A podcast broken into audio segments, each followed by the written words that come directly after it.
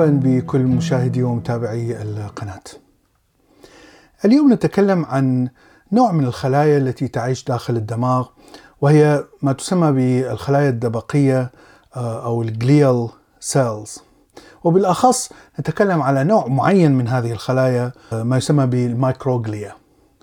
والخلايا ليس لها أي مهام عصبية. بمعنى أنها لا تنقل إشارات عصبية أو لا تنتج أي إشارات عصبية. لكن لديها مهام مهمة جدا وهي أعمال الصيانة داخل الدماغ وأيضا أعمال آه، جهاز المناعة.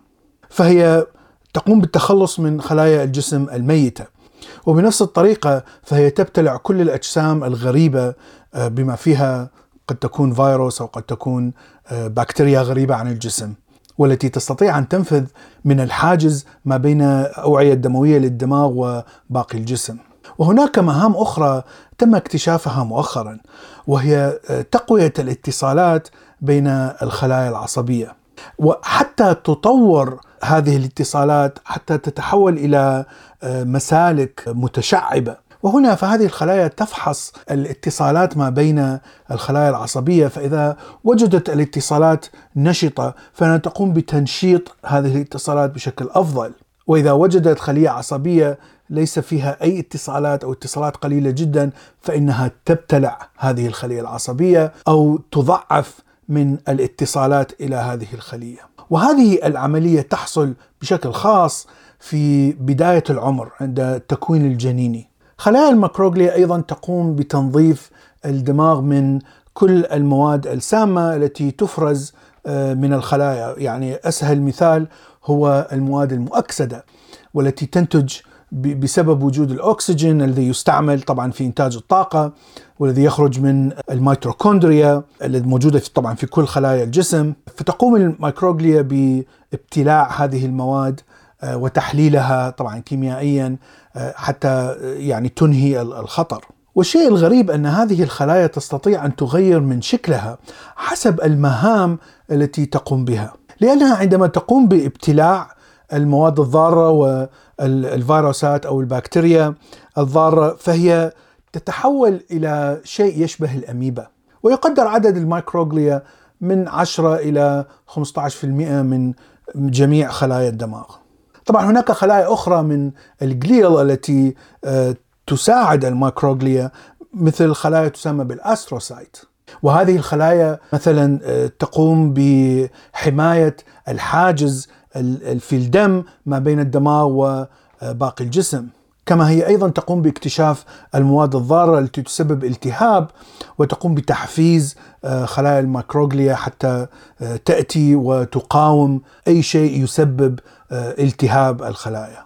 إذا أردنا أن نعرف أهمية هذه الخلايا في تطور الجنيني للدماغ ولكل القنوات والشبكات العصبية للجسم فهناك كثير من البحوث التي أجريت على الفئران وكيف يتطور الجنين وخاصة في بداية العمر يعني في في أول أسابيع الجنين.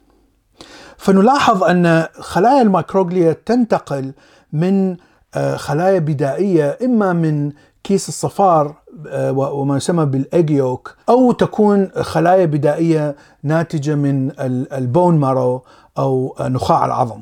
فهي تنتقل إلى الدماغ في بداية تكوين الجنين وتبقى هناك آه، داخل الدماغ إلى أن يموت الكائن الحي. فأول آه، شيء تبدأ عمله في آه، داخل العين هو تحفيز وتنشيط خلايا العصبية التي ستكون العصب البصري. لكنها ليس فقط يعني تأثيرها فقط على العصب البصري، لكنها تعمل في تنشيط الأوعية الدموية، تدفق الدم، عامل التغذية العصبية، تعمل على نضوج آه، آه، مستقبلات الضوء المخروطية، وتعمل على آه، تجذيب اتصال الأعصاب أو ما يسمى بالسينابس في داخل العين وحتى داخل الدماغ الذي يكون مسؤول عن العين. اذا دورها نراه هنا أساسي جدا في تطور العصب البصري وعمله طبعا بشكل آه، صحيح وصحي. وحتى شهدت بالتجارب أن الجزء الأيمن من الدماغ يستلم طبعا إشارات من العين اليسرى والجزء الأيسر من الدماغ يستلم إشارات من العين اليمنى لكن في بداية تكوين هذه الاتصالات ما بين الأعين وما بين جزئي الدماغ. نرى أن كل جزء من الدماغ يستلم الإشارة من آه، العين اليسرى واليمنى. لكن ماكروغليا آه، في الجزء الأيمن من الدماغ سوف تضعف إشارات العين اليمنى فتبقى فقط إشارات العين اليسرى. وطبعا تفعل نفس الشيء مع الجزء الأيسر من الدماغ. ونحن لا نعرف آه، كيف تتعرف هذه الخلايا الميكروغليا على آه، أي من الأعصاب أو أي من الاتصالات العصبية يجب أن تضعف وأي منها يجب أن تقوي أو على أي أساس. والآن بدأنا يعني نتعرف على الكيميائية التي تعمل بها هذه الخلايا آه، كيف تتعرف على مثلا الاتصال العصبي الذي يجب أن يبقى كما هو أو على الاتصال العصبي الذي يجب أن يتلف هناك مثلا كيميائية معينة تسمى ب لا تأكلني أو بروتين معين وهذا البروتين إذا كانت الخلية تفرزه فنرى أن خلايا الماكروغليا لا تأكل آه، هذا هذه الخلية أو لا توقف آه، الاتصال مع بين هذه الخلية وبين الخلايا الأخرى. هناك بروتين آخر يقول أكلني وهذا البروتين سيعمل العكس. فهناك كثير من الغموض متى تفرز هذه الخلايا هذه البروتينات؟ ولماذا تفرز هذه الخلايا هذه البروتينات؟ فطبعا البحوث كلها تجرى على فئران آه، وهناك قليل من البحوث أجريت على آه، الإنسان. لكن ما تم تأكيده أن هذه الخلايا لها دور أساسي في أمراض التي تسبب بموت خلايا الدماغ.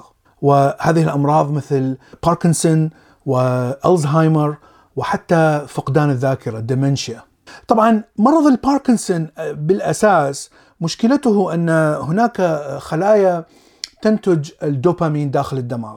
والدوبامين من الأشياء المهمة التي يفعلها هو تسهيل عملية انتقال المعلومات ما بين الخلايا العصبية.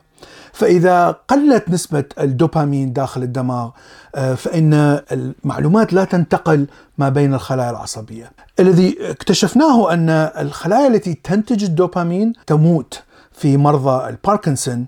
هناك بروتين يسمى ب alpha-syn أو يسمى بجسم لوي.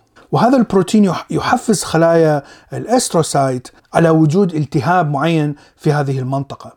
خلايا ال astrocyte تحفز خلايا ال microglia خلايا ال microglia تقوم بمهاجمة هذه المنطقة آه، مما يجعل الخلية العصبية تفرز آه، بروتين آه، alpha-syn أو أو جسم ليوي بكثرة مما يحفز خلايا ال astrocyte وهكذا تقوم بحلقة مفرغة. في النهاية بوجود هذا الالتهاب أو ال inflammation سوف تفرز كثير من السموم مما ينتج عنه موت خلي هذه الخلية العصبية. وهنا نرى الإشارات التي تأتي من الفص الأمامي وهي آه، إشارات التي تتحكم بالعضلات الإرادية لا تصل هذه الإشارات لا تصل أو تصل بشكل ضعيف جدا إلى المنطقة داخل الدماغ التي تحرك هذه العضلات ولهذا الإنسان يريد أن يحرك لكن طبعا الإشارات لا تصل فالعضلات لا تتحرك. في مرض الألزهايمر آه، هناك تأثير معين إما يأتي عن طريق آه، الجينات جينات الإنسان نفسه التي فيها عطب معين يسبب هذا المرض أو حتى آه، من قلة النوم. حسب الدراسات فنلاحظ أن هناك بروتينات معينة تفرز بالقرب من الأشواك العصبية وهذه تجعل الميكروغليا تهاجم هذه الأشواك العصبية وتبدأ بابتلاع الموصلات السينابس التي توصل الإشارات ما بين الخلايا العصبية. في النهاية الخلية العصبية التي لا تستلم أي إشارة من من أي خلية عصبية أخرى سوف تضمر وفي النهاية ستموت. والأدوية المتوفرة مثلا لمرض الباركنسون هي فقط تحاول أن تزيد نسبة الدوبامين داخل الدماغ حتى آه، تعوض عن فقدان الدوبامين لهذه الخلايا التي آه، تموت. لكنه ليس طبعا بالأدوية الفعالة خاصة عندما يعني يتقدم المرض وأعراضه تزيد لأن زيادة الدوبامين يعني تؤثر على جميع فعاليات الدماغ ليس فقط في الإشارات آه، توصيل الإشارات بين الخلايا العصبية. لهذا ليس من السهل حتى إذا أردنا أن مثلا نقلل من آه، عدد خلايا الميكروغليا داخل الدماغ، لا نستطيع أن نقلل من من هذه الخلايا لأنها تقوم بعمليات حيوية مهمة جدا كما ذكرنا آه، في البداية. وهناك أدوية أخرى لمرض الألزهايمر التي تحاول أن تمنع هذه المواد أو أو البروتينات التي تنتج هذه الإنفلاميشن أو الالتهاب. كما ذكرنا الالتهاب هو الذي آه، يجعل الخلايا الميكروغليا تهاجم آه، الخلايا العصبية أو الموصلات ما بين الخلايا العصبية، لكن طبعا لا يوجد آه، علاج لحد الآن لهذه الأمراض، طبعا للتعقيد التي تعمل به الميكروغليا وأيضا لوجود المسببات كما ذكرنا المسببات قد تكون جينات معطوبة فاننا نحاول ان نعالج الأعراض التي تسببها هذه الجينات وليس طبعا العلاج الجيني والذي يكون هو العلاج الأمثل هو تصليح هذه الجينات داخل الخلايا. وكثير من من من الأدوية الموجودة هي فقط تعالج الأعراض، فمثلا في ألزهايمر أنت تفقد الذاكرة في البداية، فهناك أدوية تنشط الذاكرة وتحاول أن تقلل من من فقدان هذه الذاكرة، فهي فقط تبطئ المرض لكنها لا تقضي عليه تماما. أرجو أن تكون هذه حلقة مفيدة، شكرا لكم وإلى اللقاء في حلقة أخرى.